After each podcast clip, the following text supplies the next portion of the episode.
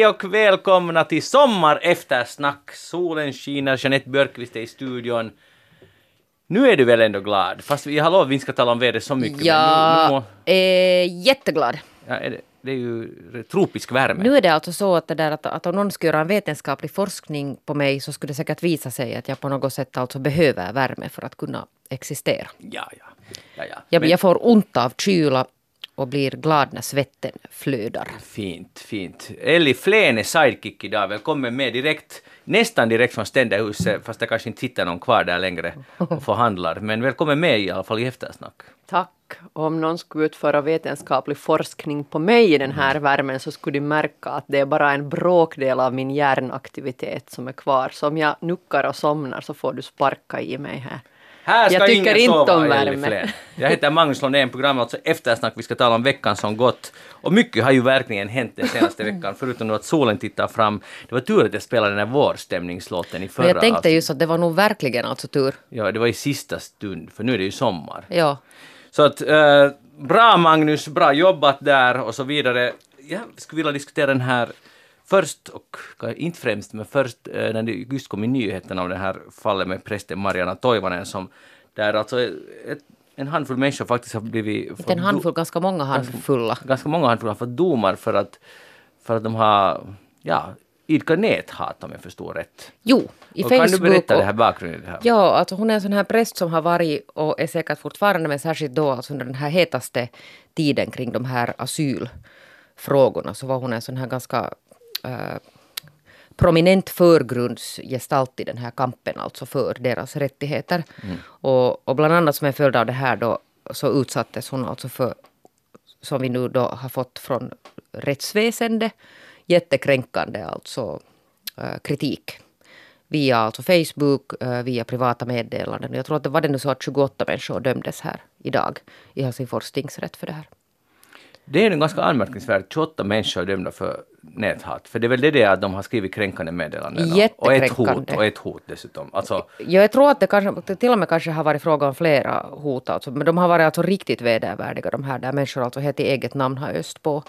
Och hon var ju också alltså föremål för, jag vet inte om någon av er kommer ihåg, men den här Longplay-publikationen kunde ju avslöja också sådana här diskussioner som har förts på, på de finländska polisernas interna Facebookgrupp. Och där var hon ju också alltså föremål för ganska, eh, hur ska man säga, grov kritik av polismän. Men det beslöt man att det ska inte bli någon utredning av den saken. jaha, då vet vi det. Uh, tänk att en präst som uh, skyddar någon andra människors rättigheter kan bli utsatt för så här mycket. För nu är det ju, alltså om nu en domstol säger det här, nu gick ni för långt. Då Den måste, har ju inte vunnit laga kraft för Nej. att de kommer säkert att överklaga Okej, det. Men, i, alla första fall, instans ja. i alla fall. Om 28 människor, så det måste ju ändå, man skulle tycka att det ligger någonting i det här. Jag har inte läst vad de har skrivit. Men blir någon av er orolig för yttrandefriheten nu när sådana här domar faller? Nej. Det, det här är ju, ligger ju på det sättet i tiden att, att jag tror att, att Finland och, och, många andra länder med oss så söker ju ännu den här nivån. Jag menar, jag tror inte att vi ännu har liksom fattat vad det här äh, egentligen den här tekniska och, och, och psykologiska revolutionen som sociala medier har, har de facto medfört. Vi, vi, vi är för mitt i det för att vi ska förstå hur mycket det egentligen har förändrat våra sätt att kommunicera. Och, och efter kanske hundra år så kommer vi att se tillbaks och se någon sorts mönster och se att det här var ett brytningsskede. Men, men, men det här domen nu tror jag är, är som ett en, en, en bit av den processen som vi genomgår när vi ska lära oss att leva och kommunicera i en ny era där sättet att kommunicera har förändrats på ett helt grundläggande sätt. Och vi människor har inte ännu riktigt hittat. Jag menar om vi kan lite jämföra med, jag minns när mobiltelefonerna kom, så stod det i alla tidningar såna här liksom tio tips på hur du ska använda mobiltelefonen och is inte prata för högt på bussen och, och det sånt här. Och ingen skulle publicera något sånt mera. Utan nu istället diskuterar vi att vad får man och får man inte säga om andra människor på sociala medier. Och jag tror att efter kanske hopp- förhoppningsvis en tio år så behöver vi inte föra den diskussionen, vi har fattat var, var gränsen går. Men därför behövs det nu några rättsfall här emellan för att, att sätta de där gränserna och ramarna. Men nu är det lite så att man måste ha ny fart varje gång att, att sån här Uh, normal hänsyn måste man alltså upprepa varje gång på nytt. Att det, kommer, det gäller också här i sociala medier att, att inte säga vad som helst. Men man skulle ju tycka att, det. Att, men... att det är intressant, man måste, man måste ha det från början varje gång den här diskussionen. Ja, och det är ju inte första gången alltså. Jag menar, det, folk har ju alltså fällts för, för sådana här motsvarande alltså angrepp i till exempel sociala medier.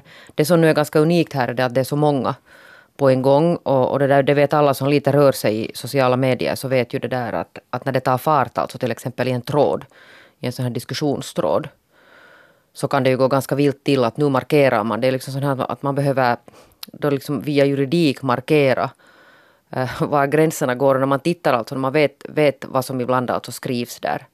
Så tänker man att det är ju märkvärdigt att människor inte av sig själva förstår att hur man beter sig. Liksom, vett och etikett och liksom helt vanligt hyfsat beteende som inte överhuvudtaget alltså existerar i, i sociala medier ibland. No, vi får se nu om en dom kan ändra på den saken. Lite betvivlar, betvivlar jag, men man vet ju aldrig. Hej, vi har i alla fall en ny regering, mycket har hänt på en vecka och allt är spikat. Och Elli Flen var Eftersnacks egen regerings...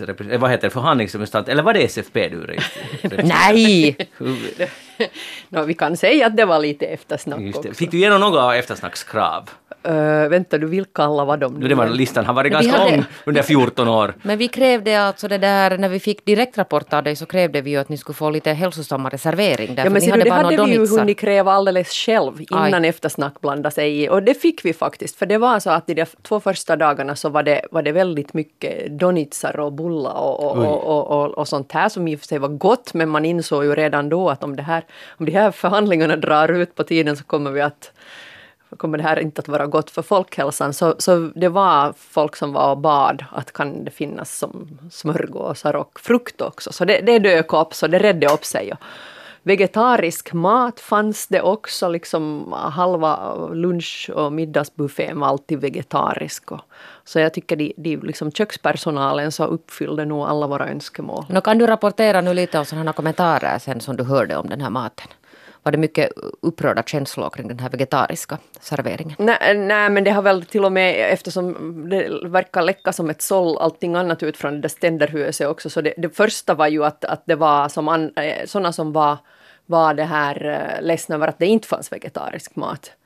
Och sen kom det efter några dagar så att det var, fanns alltid ett vegetariskt alternativ och då, då var det ju någon då som tyckte att det hade farit i andra diket, att det var för mycket. Men jag kan nu liksom så här helt objektivt säga att det fanns alltid två alternativ. Ja, bra. Vi, vi är glada för det, men det här kan ju nog vara en förhandlingstaktik från någon till exempel vår statsminister, om man servar bullar åt folk så blir man ju trött. Åtminstone om någon skulle, om jag skulle vara en hård... En konspirationsteori! Ja, exakt. Välkommen! Att, ja, om jag skulle vara representerande av mindre parti men som är lite ettrigt så, och det där och de skulle få tyst på mig och jag skulle vara representant för det, så då, då skulle man bara sätta lite örfilar fram där. Då skulle jag svälja vad som helst och gå med på vad som helst för att man blir ju dåsig och trött och så vill man bara därifrån. En frukt däremot får man ju energi av och, och somnar inte bort. Så jag, jag, jag är inte så det kan ha varit taktik, Elli Flen. Det kan ha varit det. Sen kan jag ju också avslöja att utanför eh, i det där liksom kaffepunkten utanför den försvarspolitiska gruppens mm. rum där ju jag då alltså var, nere i vår bunker som vi börjar kamratligt kalla vårt förhandlingsrum. Så vi hade både och. Vi ah. hade alltid både smörgåsar, frukt och kark Godis! Godis! Det var ju det dummaste. Det är ännu värre. Vi blev helt bortskämda. Alltså ni var ju helt på gränsen där. Hur länge, alltså, får jag fråga, hur långa arbetsdagar gjorde ni? Om vi börjar alltså, det, med det. det varierar och det varierar för alla grupper men ibland från, från, morgon, från åtta på morgonen till, till åtta, nio på kvällen. Min grupp satt aldrig senare än det. Och så vissa dagar då så av olika orsaker så kanske vi hade, bara några timmar möten och, och istället fokusera på att läsa oss in på någonting. Och där sitter ni och så, så kämpar ni om formuleringar helt, helt enkelt? Eller? Ja, eller varje grupp har ju då en lista på saker som man ska ta ställning till och, och, och försvarspolitiken ska ju då handla om försvarspolitik och då, då då gick det till så att, att varje sån här grupp så hade ju då två personer från varje parti. Alltså en huvudförhandlare och så en, en um, vad man nu ska kalla det på svenska, någon sån här liksom assisterande förhandlare. Och så, och så sätter man sig ner och tillsammans börjar jobba. Och olika grupper jobbar på olika sätt. Och hur man, för sen var det alltid ett parti som var som ordförande för var för varje grupp? För varje grupp. Och den här försvarspolitiska gruppen så, så råkade då vara SFP som hade, hade så jag hade då Ole Norrback som var med där och han var ordförande för hela gruppen. Så då fick ju han förstås, han bestämde ju då lite hur, just hur exakt vi jobbar, att alla grupper jobbar lite på olika sätt. Mm -hmm. Men blev det Alltså jag, bara, jag, jag, jag, tänker på den konkreta situationen, ni sitter runt, runt bord kanske, eller ett avlångt bord och ordföranden leder ordet. Hur går det sen till om någon, till exempel någon annat parti säger att hörde Olle, vi, vi tycker inte alls så här, vi skulle vilja få in den här skrivningen. Och vad händer liksom sen? Hur, är det jätteciviliserat eller blir det liksom sådär arga, sura miner emellanåt? Och hur går det till? I vår grupp var det mycket civiliserat. Men som vi har hört att du sa att det läckte som ett såll så det var ju nog bråk i andra bord. Ja. ja, men alltså det är nu som vilka förhandlingar som helst. Man mm. Och är man av samma åsikt så är saken klar och då spikar man den skrivningen. Och man, annars så filar man lite och någon annan kommer med något motförslag och så diskuterar man och så diskuterar man lite till och så argumenterar man och radar fram sina argument. Och... Men i, i slutändan så är ju SFP ett, det minsta partiet i regeringen. Så så kan inte sen till exempel den socialdemokratiska representanten säga hej, att, förlåt nu, men så här blir det verkligen inte, att det blir så här. Och då måste SFP, alltså hur går det till? Att, eller är det jätterespektfullt att jag vill Ole ha det på det här sättet? Alltså hur, förstår du, hur, hur mycket kan man diktera där när man är det minsta partiet? No, uh, mm, uh nu har jag ju som varit i en regeringsförhandling och i en grupp så jag kan kanske inte generalisera så det är klart mycket. Du kan. Men, men, men, men, vi var ju två från varje parti som runt bordet. Ja. Och, och klart, klart om, om du vill Magnus så kan du använda det där argumentet men, mm. men då kanske jag använder något annat argument emot och sådär. Så det, det är nog liksom bara hur, hur pass skicklig man är att förhandla och vad man lägger fram. Men civiliserat, jo absolut. Mm. Jag menar det det som folk glömmer ibland, tycker jag, är ju det att man, man ser, man, liksom det här politikerföraktet, att man tror att politiker är i luven på varandra. Och, och inte vet liksom, inte, det tror jag inte alls. Hem, no, vissa jag tror att tror många nog tror det. Och, och, och liksom just följa med sociala medier eller så här, det blir ganska mm. skrikigt. Men när, jag menar folk som har kommit så långt så har de, de är invalda i riksdagen. Så de har ju nog som passerat några såll och ja. Åtminstone en del av dem. och, och de, är ju, de allra flesta av dem är ju väldigt civiliserade, väldigt liksom smarta människor. Så det var ju en glädje att lära känna mm. de här människorna och, och, och, som kan en massa saker, som har jobbat med de här frågorna länge men från lite olika aspekter. Mm. Så, så nu är det ju liksom smarta och goda människor som träffas. Sen har man kanske lite olika åsikter och mm. försöker liksom se på saker från från olika håll. I bästa fall kan det ju vara en ganska egentligen eller givande situation, just att försöka jämka lite olika åsikter. Det är det ni ändå måste lyckas med, fast det kanske fanns lite, eller fanns det mycket, i den här gruppen mycket olika åsikter? Nå, kanske någon, någon gång. Ja, vänster, men, men jag måste ju säga att som för mig personligen, jag, jag, jag menar jag kan ju bara prata för mig själv, så, så, så var det ju jättenyttigt att få sitta med de här människorna mm. och höra argumenten för de här olika synsätten. Så det var ju otroligt givande på ett personligt plan. No, när uh, Norrback ringde till dig, var det så att nej, jag skulle inte riktigt ha tid nu med det här? Eller var du helt oj oh, yes, det här nu var det inte Norrback som ringde, utan det var, det var nog liksom partisekreteraren. Men, men jag blev jätteglad. Okay. Började genast rensa kalendern. För så det var en ära Men hördu Magnus, ska du klara dig i sådana här förhandlingar? ja, det, det beror på alltså. Just det, just, vi börjar med den där bullan. Så länge det inte finns bullar där så då ska jag ha bättre förutsättningar. Nu ska jag klara mig en stund men jag tror att Ellie skulle nog klara sig, eller klarade sig betydligt bättre än vad men jag skulle klara Men hur många dagar alltså, eller var det veckor? No, va, va, totalt så höll man, var det nästan tre veckor som det pågick. Ja. Den försvarspolitiska gruppen var kanske lite tidigare färdig än allt annat. Fjäder i hatten, jag kan ju det där, fulla poäng. Jag har ju inga problem med att erkänna att jag skulle aldrig alltså klara av att sitta alltså så där många veckor, så där långa dagar och bara diskutera. Måste, och, och sen med några människor som är av, av annan åsikt kanske dessutom, att man liksom måste sitta och jumpa och jumpa och jumpa och jumpa vet ni. Att jag har alltså på det sättet, fast, fast man nu kan det där vara kritisk till en massa politiker, så har jag ju oerhört stor respekt för alla människor som orkar vara med och alltså faktiskt kan göra politik. Faktiskt, det är, det är en utgångspunkt här.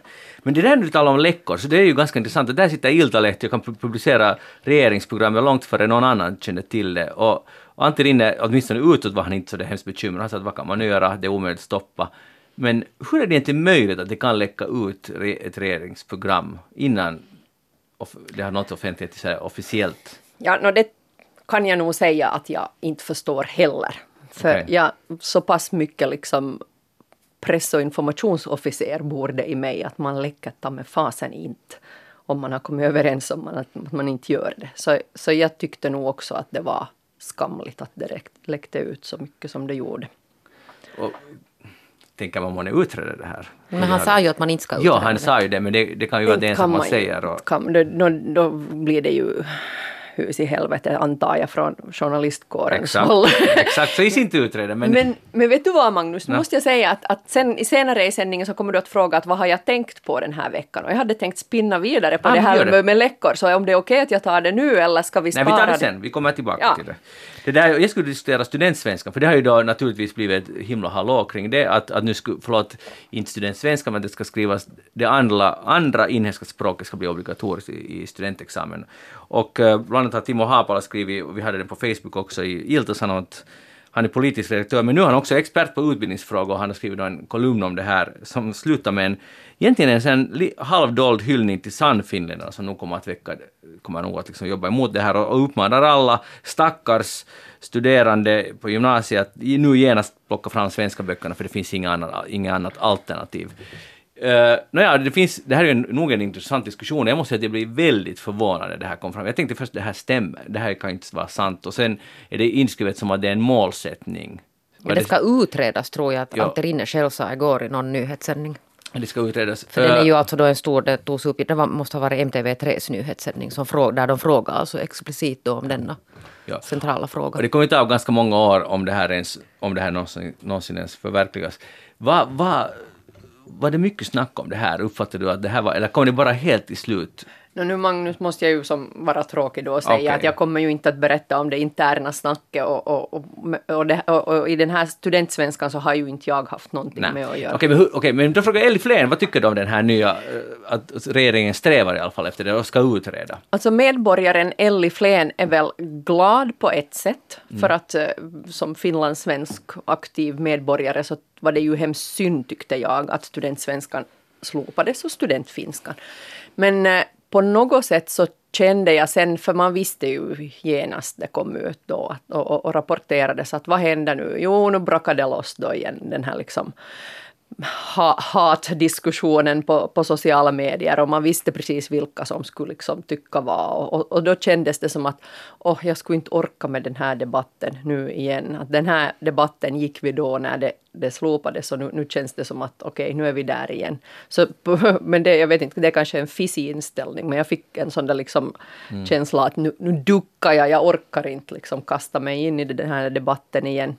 Men som sagt, du har, du har ju rätt i det att det står ju att det är målsättning, så inte är vi ju riktigt där nu då ännu. Nej, och det kräver ganska, för man kan ju inte som nu har det liksom spridits ut så här skrämsel att, att borde de börja läsa, jätte, jobba jättehårt på det nu redan de som börjar på ettan i gymnasiet nu nästa höst, men det kommer att ta länge för det, om det här ens kommer att ske.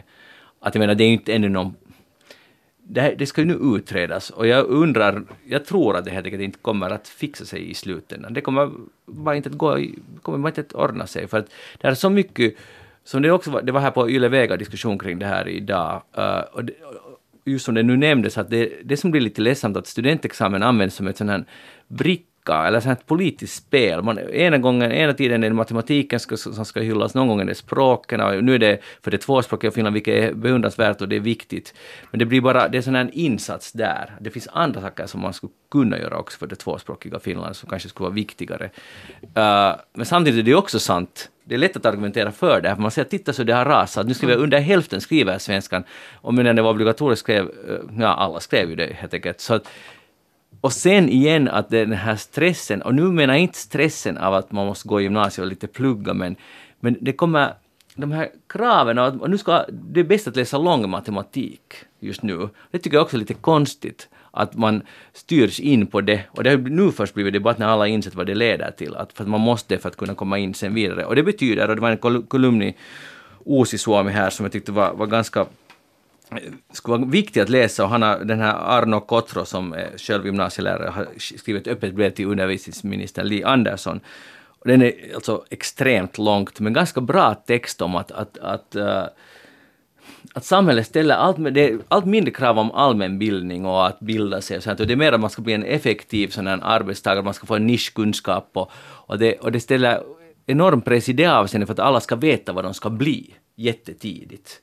Och det här är han hemskt kritisk mot. Och, och jag tycker det är en ganska br- bra text, den var kanske lite för lång i alla fall. Men, men i alla fall, Jeanette, hur ser du på den här frågan med, med obligatoriskt, det andra språket, man måste, finlandssvenskarna måste skriva finska, det tycker jag i och för sig att det är bra. Och, och, och de svenska, eh, och de finskspråkiga måste skriva svenska. Jag vet, alltså, jag vet att det kommer genast om man säger att, att why not så kommer det att komma det här att men man kan ju inte uppmuntra någon med det här att man tvingar dem till någonting. Men var det nu inte så, nu får någon korrigera mig som kan det här bättre, att de alltså överlag alltså talar om att, att det ska finnas alltså ett visst antal obligatoriska ämnen som man ska skriva och då skulle det här alltså andra inhemska språket vara ett av dem.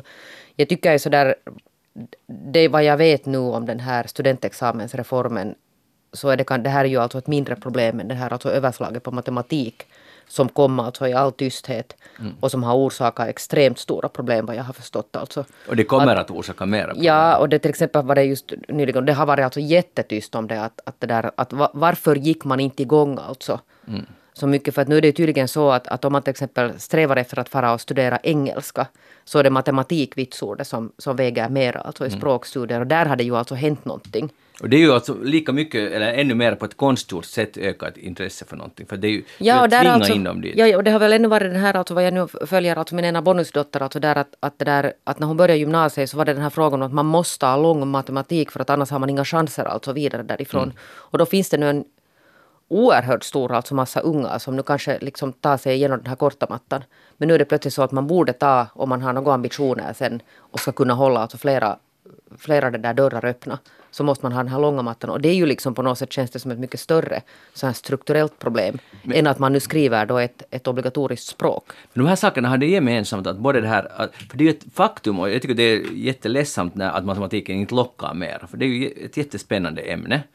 Och det ska vara viktigt, men, men man sitter och bestämmer, hej nu måste folk läsa mer matematik, och så styr man det på ett konstgjort sätt. Och det är kanske lite samma med svenskan också, det är också jättebeklämmande och folk inte vill lära sig svenska eller språk överhuvudtaget.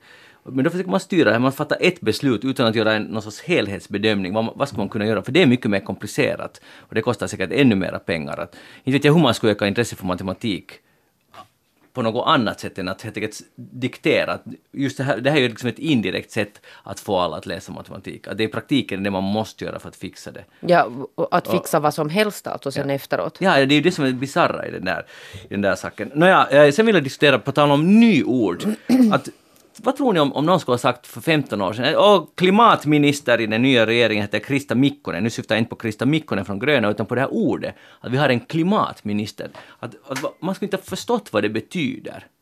Att vad skulle man ha tänkt? Är det inte miljö och Jo, klimatminister? jo, miljö och klimatminister. Men det, hon, är, är också klimatminister. Vad skulle det ha betytt för 20 år sedan? Att vår klimatminister, det är någon som på något sätt övervakar klimatet. Alltså förstår ni, man ska inte fatta vad det där ordet är. Och nu är det helt att, nu är det all, jo, jo, klimatminister. Ganska Jag tycker att det var intressant. ganska fräscht alltså den här. Det kom ju alltså, det var jag inte förberedd på. Att de utvidgar det. För att på något sätt alltså säkert då understryka den här betydelsen av den här klimatförändringen. jag, jag, förstår vad det, jag förstår vad det betyder, men jag menar bara att, att, det, hur orden, ord kommer in som inte vi alls skulle ha fattat för tidigare. Men du vet, när det är ord, alltså det är ju en term.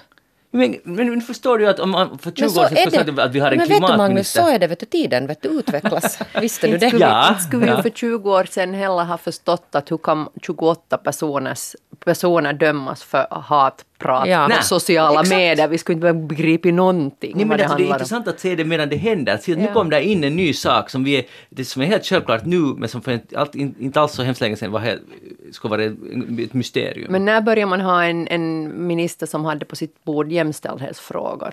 Då? Jag menar, då, då kunde man ju resonera likadant att skulle man, de ha vetat det här på 20-talet skulle de ha varit ganska chockade. de skulle, de skulle de garanterat ha varit chockade.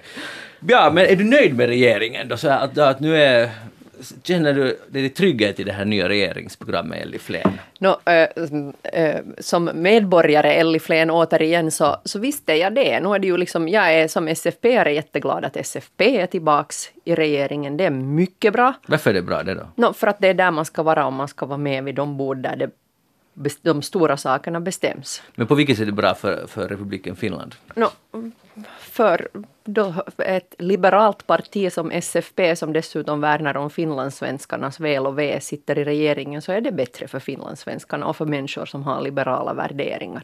Då får man vara med och påverka en politik så att den blir på mer, så den ser mer ut så som uh, vi skulle vilja att den ser ut. Därför är det så viktigt. Och där sitter ni hand i hand med Socialdemokraterna och Vänsterförbundet. Mm. Hur går det ihop? No, det går lika bra ihop säkert som med alla andra partier. Men SFP har ju en lång tradition av att klara av att regera med i olika sorters konstellationer.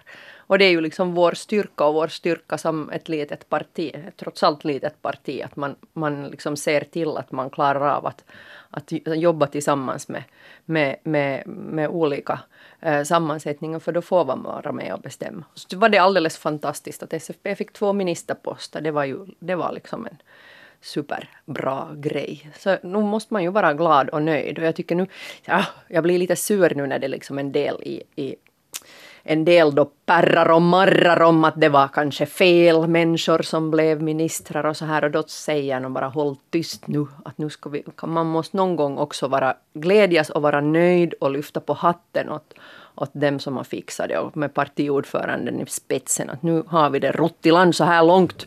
Men, Då men kan vänta. man ge lite kredit för det att det var bra jobbat. Det kan ni ju syssla med nu när ni har parti, vad heter det, möte. Partidag. Parti, partidag, då kan ni hylla varandra. Mm. Men, men alltså det är intressant för ditt svar och jag förstår att du svarar så men, men du säger att du, du la betydelsen, poängen var den att, att nu, nu är det bra för nu är SFP i regeringen, men det var in, in, hemskt lite snack om regeringsprogrammet, varför det är bra. Utan det var mer att nu är vi med där och nu kan vi bestämma. Men vad, på vilket sätt ska det här programmet nu förändra Finland till det bättre? No, återigen medborgaren Flen, så jag är kanske lite nervös då att det kanske inte riktigt finns alla de här pengarna som Mm. som helheten. Och nu pratar jag alltså helt ut, utifrån vad, vad, vad, jag har sett den färdiga produkten. Jag har ju inte varit med och påverkat mer än en liten del av den. Ja, så lite nervös för det, eh, att, att de här kanske finanserna kanske inte riktigt så självklara att de nu då finns att göra allt det goda. Men nu tycker jag att det liksom, den andas liksom en sån här framåtanda att, att nu börjar det ske saker. Eh, och, och förhoppningsvis kan få lite liksom fa positiv fart i, i landet bara med det att man nu liksom visar att man, man vill göra saker istället för att skära ner. Så, så tycker jag just på de här klimatfrågorna så nu är det ju ett, ett um, alltså ett, uh, nu hittar jag inte rätta ordet, alltså ett, att det, det är ju verkligen ett program med, med ambitioner. Att mm. man vill på riktigt göra, göra någonting, åtgärda problem. Så och Nuorisosäti har ju en fin representation nu både i regeringen och, och, och riksdagens vad blir det, talman. Jag menar det är också ganska intressant att de är de Men de har seglar. nu utrett så att det är helt okej. Okay, alltså. De har utrett det är okej, okay, men jag bara vill Men kan jag nu bara få säga det att jag har nu själv alltså så där lite med häpnad följt med den här alltså för att för att Elge kanske, vad sa du, lite orolig över det här men alltså de som är ju alltså verkar vara alltså grymt oroliga. Att man kan ju tro att allt kommer att gå rakt åt fanders nu. Är ju alltså äh, flera betydande eh, journalister som skriver kolumner, alltså den här mängden eh, inlägg där man sågar alltså den här regeringen, alltså långt före de ens har kommit igång. Sågar de, kallar alltså till sådana här A-studio, där diskussioner där avgående eller före detta, förlåt, före detta justitieminister Antti Häkkänen får sitta alltså säkert 80 procent av tiden och skälla på, på den här regeringen, alltså tillträdande regeringen, på deras program och allting. Uh, och massor alltså med kritiska inlägg. Senast igår fick den här ex-inrikesminister Kai Mykkänen också alltså det där ge sådana här långa utläggningar om, om det där hur hans efterträdare, alltså gröna Maria Ohisalo nu ska det där ta över den här inrikes och liksom ge varningar om att han, hon måste slutföra hit och hon måste slutföra dit. Alltså den här extremt alltså stor Eh, tyngdpunkt på, på kritik mot regeringen och regeringsprogrammet som jag nog inte kan påminna mig om att jag skulle, att, att skulle ha varit alltså förra förra etappen, utan då var det mer så där att, att det är klart att man alltid är kritisk och ifrågasätter regeringsprogrammet, men det har varit ett jättestort överslag på det här. Det är som att det pågår någon panik alltså mot den här. Antti Häkkänen sa bland annat att ja, att att, att det är ju nog så rött-grönt nu det här regeringsprogrammet. Så, men vad trodde han då? Det är alltså Socialdemokraterna och Gröna som sitter där med Vänsterförbundet. Vad trodde han att det blir ett samlingspartistiskt regeringsprogram? De är ute nu. Ja, men de spelar nu oppositionspolitik. Men det är klart de gör, men att man ger alltså så mycket rum åt dem också att göra det här. Men det här är ju lite, för det här, journalistiken vill ha den här konflikten också.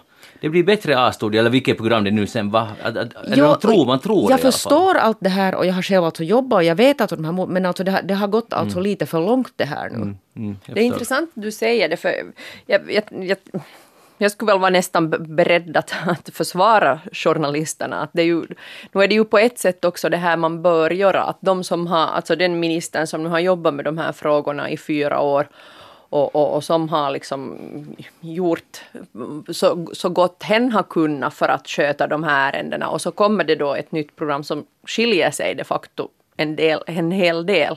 Så nu är det ju naturligt att man går då till den, den avgående ministern och frågar att vad, vad tror du om det här? Ja, och det är alltså jätteintressant för att det kommer alltså att bli alltså den här att, att gröna får en inrikesministerpost, så det är nog extremt alltså intressant att se. sen, sen har ju Finland fått alltså, åtminstone i sån här liberal press, ganska mycket uppmärksamhet för det här klimat, eh, klimatneutrala, kolneutrala, vad, det, vad, man, vad ska man kalla det, men det här, de här målsättningarna för klimatmålsättningarna, massor av publicitet för det här och att gröna just får de här posterna, så nu har det varit mycket snack om det.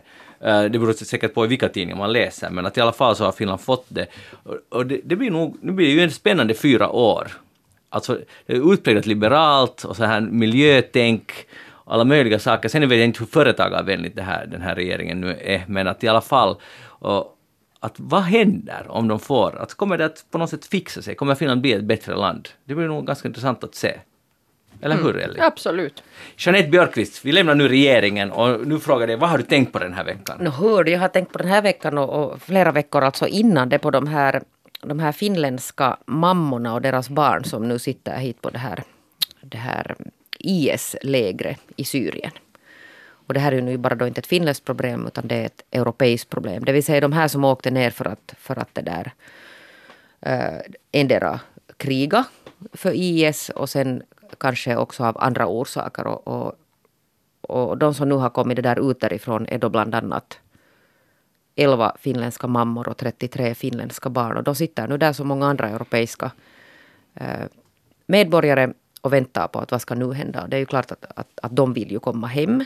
Och de förstår inte varför de måste sitta. De är helt odrägliga de här förhållandena på, de här, på det här lägret. Allhåll heter det.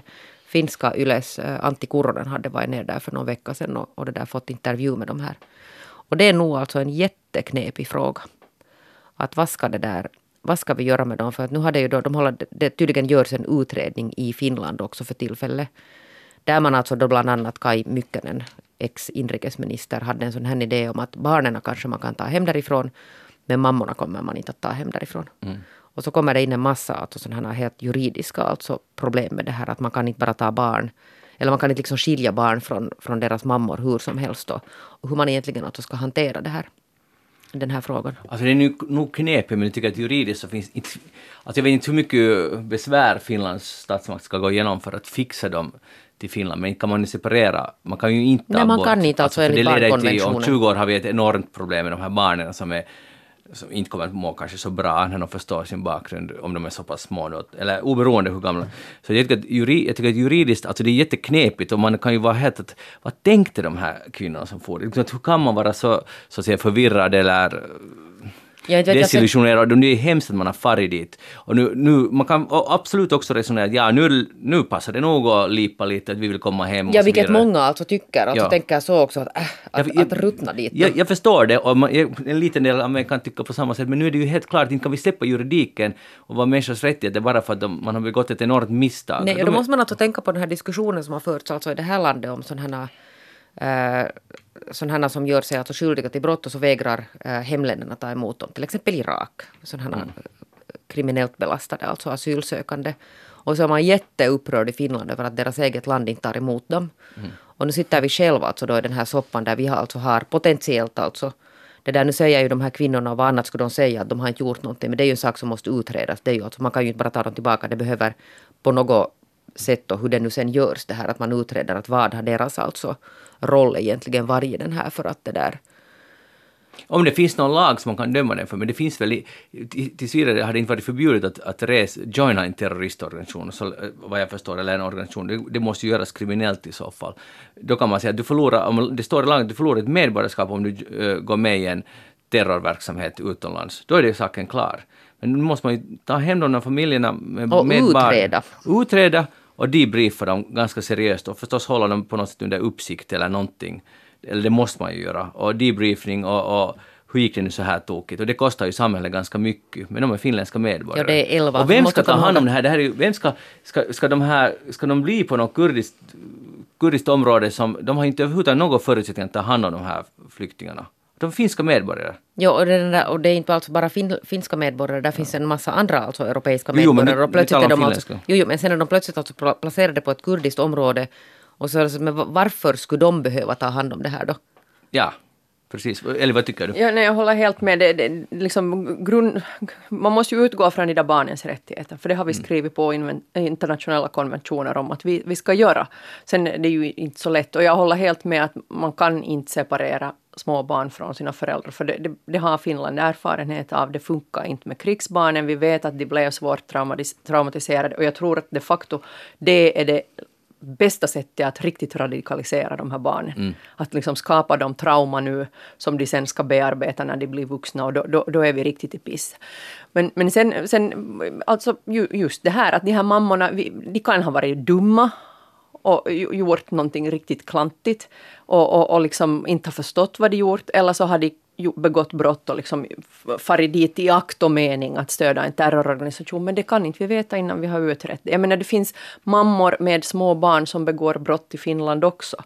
Och, och, och de går igenom en rättsprocess. Det finns fängelser där du kan ha ditt lilla barn med dig om du sitter inne. Och det finns mammor som är dömda för mord och, och liksom inte tar man deras barn från dem totalt ändå, utan man sätter in liksom samhällets eh, system för att ta hand om de här barnen och försöka rädda dem. Men det, det, det kommer ju att kosta, men det hjälps inte. Vi, no, vi måste bara fixa det på något sätt och sen försöka liksom se till att vår lagstiftning är sån att det går att i något skede då åtgärda de här frågorna. Men nu har vi ju tvångsomhändertagning av barn i Finland. Nu, Mm. nu separeras ju, tas ju barn bort från sina föräldrar. I, också i det här landet. Ja, det- om man är jättevåldsam eller... Nu, sånt händer ju. Jo, men nu är det ju en sista åtgärd. Just Jo. då om, om liksom de där föräldrarna ut, uttryckligen skadar de där barnen inte klarar av att ta hand om det. Men det är Och, och det är också- ju en bedömning som man inte kan göra alltså från Finland. Nej. Ja. Och sen det där tycker jag bara att det liksom när man tänker sen att så riktigt på riktigt kokar ner det konkret så det är 11 mammor och 33 barn ungefär alltså man kan ju men, men det är ju inte så där som att, att det är så hemskt Nej. Och var inte någon, några av de där barnen var dessutom redan föräldralösa. Bara att någon av de där andra mammorna då har, har liksom tagit hand om något. Åtminstone så förstår jag på den här Kuronens rapportering att det, de var nog inte kanske riktigt de där elva mammornas barn, alla de där barnen heller. Och då, då är det ju riktigt självklart att, att de barnen ska ju snabbt som attan därifrån. Det påminner ju lite, inte så mycket, men det påminner lite om på 20-talet och också 30-talet så får ju många från Finland till Sovjet, att de bygger upp dröm, det är drömsamhälle och det, allt blir jättebra. Det gick ju inte så bra för dem där, men det är ju lite samma den här de här har ju farit lite av någon sorts ideologisk tro, helt mi- missvisad, eller vad ska man kalla det, helt totalt liksom. Eller i akt och mening att Eller utföra brott. utföra brott och Det de är vet vi kriminella och så vidare. Det, vet, det, vet, det finns säkert allt. Hur många mammor sa det var? Elva. Elva. Men i alla fall att sånt har hänt tidigare, Mm. eller någorlunda motsvarande saker har hänt tidigare. Nu, nu, jag, jag tycker att vi måste bara utreda det här, som du sa. Och herregud, folk gör ju dumheter här också. Folk dricker sig redlöst berusade fast de har små barn i närheten. Och alla, varje vuxen människa borde förstå att det är helt skamligt och helt förkastligt och helt idiotiskt. Och så går de och har livet av någon då i fyllan och, och, och småbarnen ser det. Och på det, här, på det, det tycker vi ju liksom inte.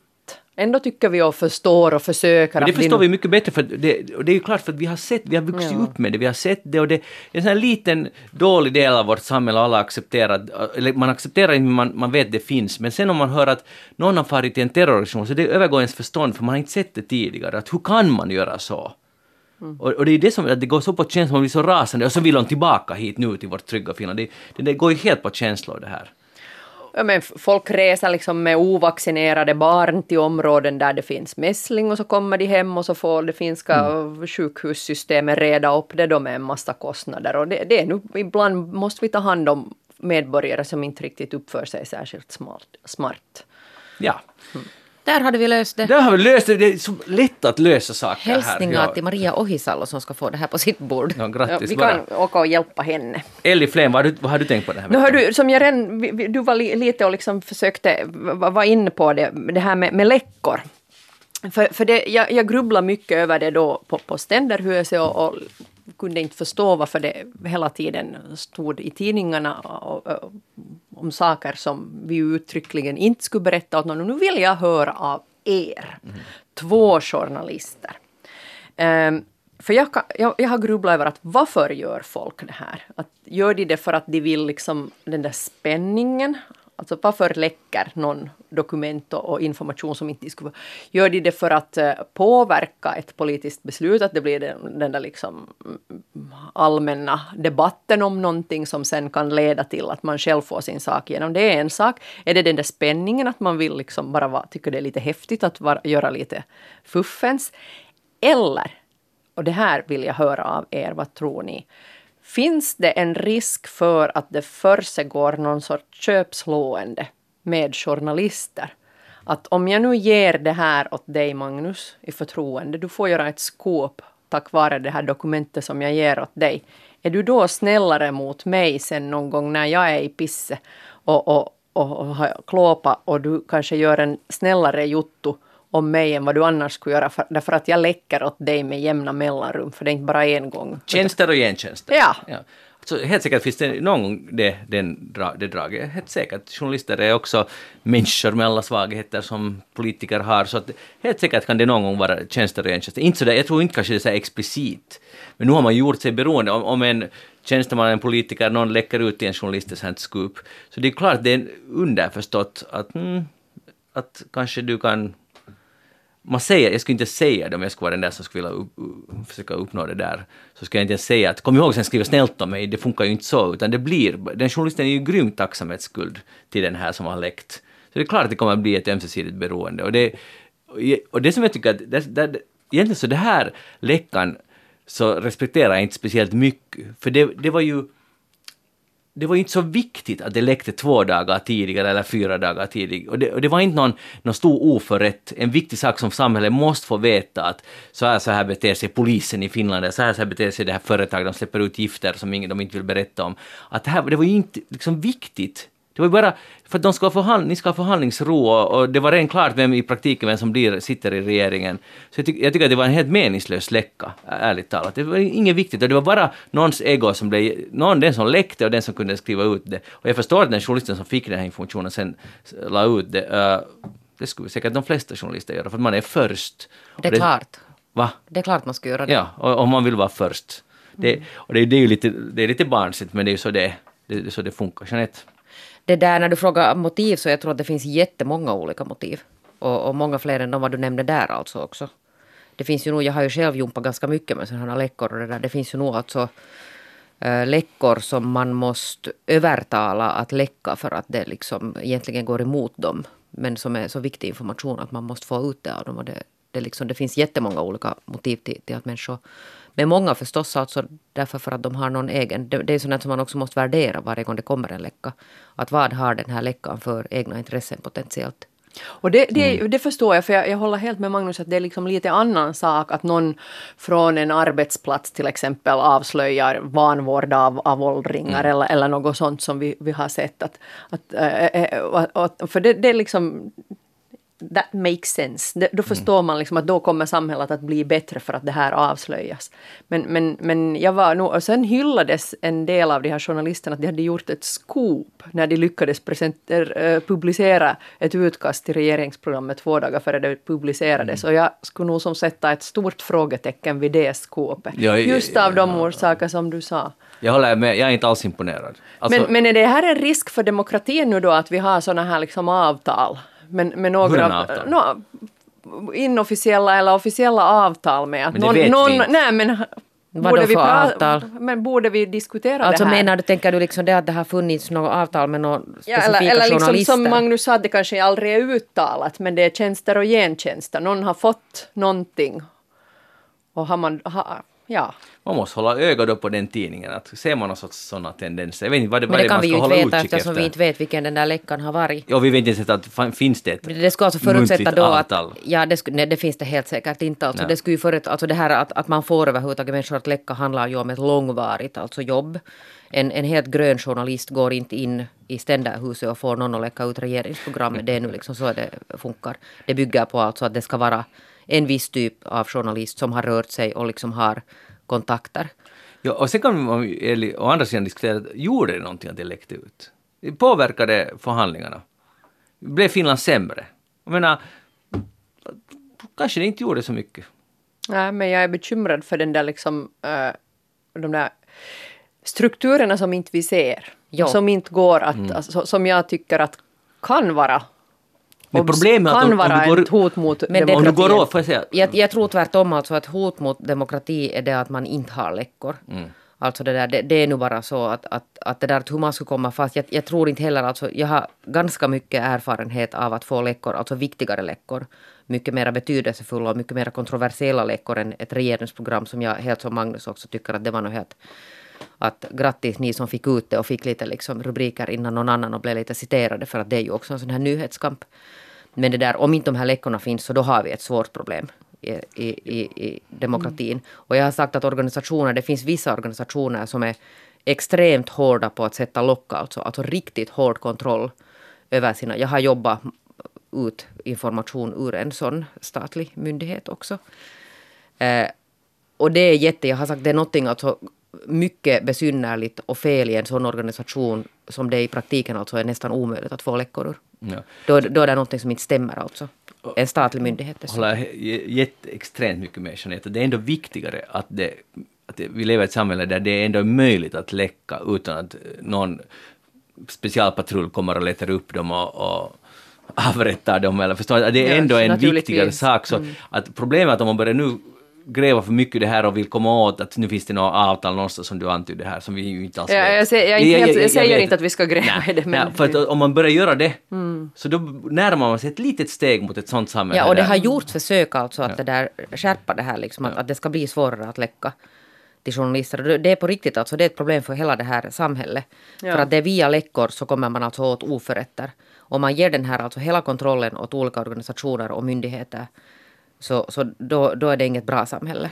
Men det här var en in- intressant diskussion. Jag ville prata med just er om det här. För, för jag vill absolut inte liksom begränsa rätten till läckor. Men det, när det är just såna här, den här typen av läckor, att vad, vad det betyder på andra sidan. Och jag önskar att journalistkåren skulle kanske då också diskutera den internt Jag på tror, något jag sätt. tror att den diskussionen kommer inte- du inte att se röken av. För Nej, det det jag Ja, De flesta journalister tycker att yes, där fick vi programmet, att bra, journalistiken Mm. fungerar, vi fick den några dagar före den skulle hållas hemligt. Men jag tycker bara det att det är jätteytligt på saken, för det var ju inte en, det skulle ändå komma ut, den där saken. Jo, och jag tycker alltså det där sådär helt krasst sett så det var inte särskilt allvarligt. Alltså det som du säger att det skulle ändå ha kommit ut.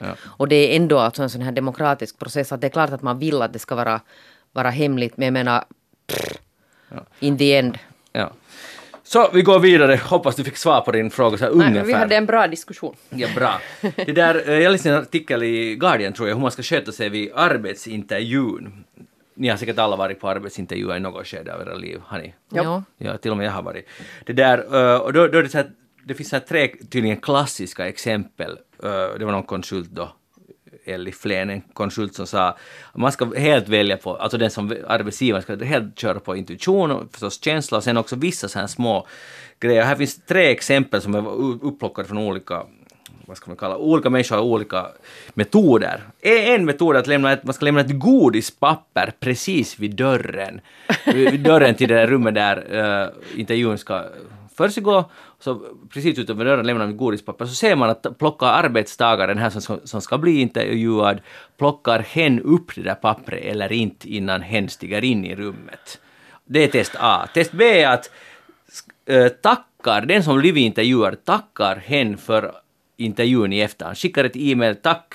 Det var en intressant diskussion vi hade idag, vi återkommer. Mm? Och den tredje frågan att man medvetet bjuder på någonting, en kopp te eller kopp kaffe eller ett glas vatten, och så kollar man, städar hen undan sin kopp efteråt eller inte. Och med godispapper är då poängen att plockar arbetstagaren, potentiella arbetstagaren upp det här pappret eller inte.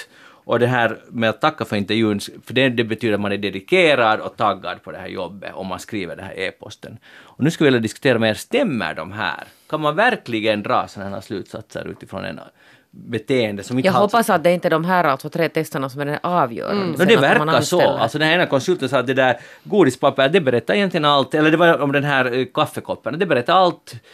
För det berättar allt att tar man ett eget initiativ, ser man sin egen roll i en arbetsgemenskap och så vidare. Jag kan nu tänka mig alltså bara en sån här kaffekopp, alltså helt som konkret exempel. Så om det då är en stor organisation och intervjun hålls i något rum någonstans Mm. och du inte vet, alltså det är ju inte så lätt att veta att vart för du den här koppen. Mm. Om det är i en lång korridor till exempel. var är deras där kök? helt dumt. Och jag menar det där godispappret så det kanske kan vara så att när jag kommer in i rummet så ser jag den jag ska bli intervjuad av i ögonen och fokuserar Och ser på... inte det där Ja, pappret. se- Nej men det är utanför, det är utanför, just före du öppnar dörren till det rummet du ska gå in. Så de har lämnat liksom en fälla Det måste nog vara något jättestort godispapper då för att man ska vara säker Ja. på att den här potentiella arbetstagaren såg det. Ja. För jag, jag, jag kom på, om, om vi tar en sån här självrannsakan, jag skulle klara ett av dessa tre test. Tacka.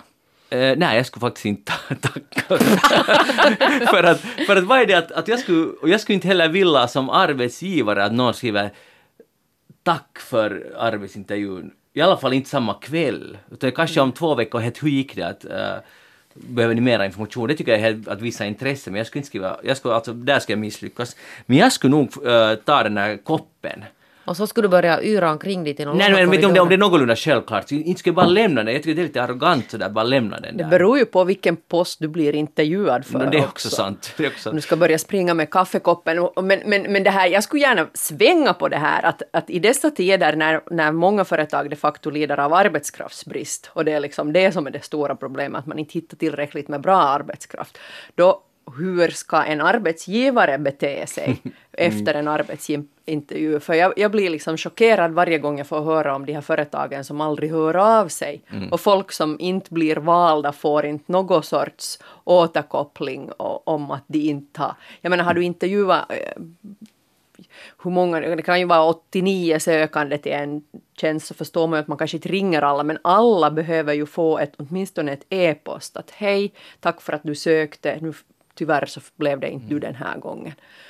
Men, men det här failar ju hur många företag som helst. Bland annat ett visst rundradiobolag i Finland har jag alldeles nyligen fått mig rapporterat. Den här public service-organisationen som HBLs chefredaktör nu- vill montera ner, var det den du menar?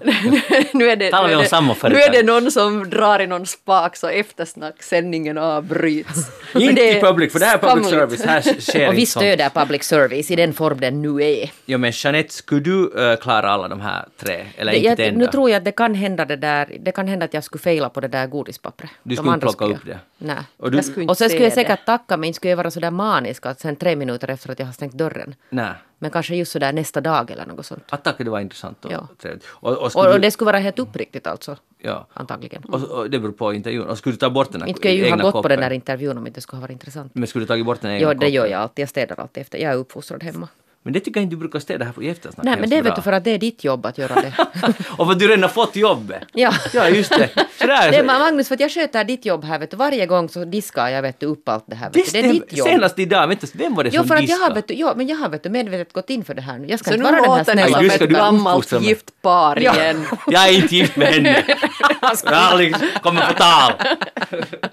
Nu går vi vidare, det är dags. Hej, det, här, det är jär- trevlig forskning, för nu att man kan, man kan ledigt dra 25 koppar kaffe per dag. Va? Yes! Och det, där, det finns ingen som helst hälsoproblem med det och det är en undersökning gjord vid Queen Mary University of London. Och det där hjärta pallar det bra och jag börjar fundera att det är ganska mycket ändå 25 koppar. Inte det så mycket. Inte. Om man är på humör. Hur mycket, alltså dricker du kaffe? Massor. Aha, Jättemycket. just det. Men inte dricker du 25 koppar? Nu kan det hända att det går ganska många. Jag dricker ganska stora koppar, ser du. Du, du tycker inte att, har du märkt något att det har någon, någon sorts relation till hur, hur speedad du känner dig själv? Liksom det, När det, när det, när jag tror att det kommer någon sån här gräns alltså. Sen om man så, så, så allt efter det. Att man kan till och med bli trött sen plötsligt av att, att dricka Mm. lite för mycket. Jag dricker nog extremt mycket kaffe, faktiskt. Okej, Jättemycket. För det här, förlåt nu forskningsvärlden, men jag tror inte på den här forskningen. Det här är jag lite så här faktaresistent, för jag, jag, jag vägrar tro att det inte har någon betydelse. Man kan dra 25 koppar. Märker du att jag alltså nu inte ifrågasätter den här forskningen? som Jag märker, brukar? för du annars brukar du Den fråga här tror jag jättebra. Det här Alltså låter min seriöst. empiriska forskning visar att åtmi- kanske huvudet skulle klara av det men min mage skulle inte klara av sådana där och mängder tänderna. kaffe. Ja, nog det också. Det handlar om att härda sig.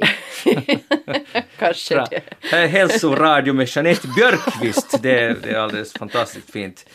No, hej, eh, det här är intressant, ni har ju båda varit gravida. Ja, Ja, eller hur? så sägs Ja. det. För nu har jag, på BBC läser jag forskning att de har kollat hur mycket klarar en människa fysiskt av? Liksom, var, var går gränsen? Så då har de testat, är det ett maraton och de är ett gäspar och maraton är liksom ingenting. För de har mätt det här kroppens förmåga att bränna kalorier eh, när man håller på med någonting hemskt länge. Alltså jag menar att en maraton tar, vad kan det, fyra timmar. Och Om man är bra. Ja, och det, och det är alltså ingenting.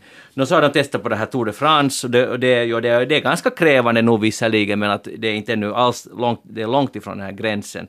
Så har de testat på sådana här som springer på Antarktis i 95 dagar eller springer genom USA och där är man redan liksom på, helt på gränsen till vad som är fysiskt möjligt för att kroppen klarar inte av att bränna kalorier så, så många dagar i sträck i den nivå som det behövs. Och så finns det ett, ett mått för det här. Och, det, och då kommer de fram till att det är ungefär 3,5 att springa över Antarktis, eh, 3,5 den kroppens normala förmåga stillasittande bränna kalorier. Okej, vi behöver inte gå in på den där. Men så kommer de fram till att det mest krävande man kan göra, det är att vara gravid. Alltså att eh, vara, vara gravid eller att eh, föda det Nej, där. vara gravid i nio månader, sen säkert också födseln. Att hela det paketet är mycket, mycket mer krävande att dra några maratons och sånt. Så Jag grattis ta- bara. Jo, jag skulle nog säga att jag skulle nog klara den där maraton, men inte den Men, men, så... du, men, men du, du borde istället bli nu kaxig och, Nej, men jag kan säga så här att det, där, att, att det sägs att kvinnokroppen är skapt för att vara gravid och föda barn och det kan säga att det, lite justeringar, finjusteringar blev nog ogjorda. Att inte det är ju någon himmelrike men det där det fixar man ju. Ja, så ni är inte alls imponerade av er. Ja, ja, jo, jag tänker nu vara lite imponerad. För jag har både sprungit maraton och varit gravid och fött barn. Och, och jag springer nog fast ett maratonlopp i veckan hellre än gör om det där Fantastiskt. Jeanette. Björkqvist, tack för att du var här idag. Elli Flen, det var fantastiskt att ha regeringsförhandlaren här. Eftersnacks egen förhandlare med i studion. Jag heter Magnus Lundén och programmet Eftersnack. Vi är tillbaka igenom en vecka. Så ni kan kolla in oss då. Vi hörs igen då. Ha det bra. Hej då.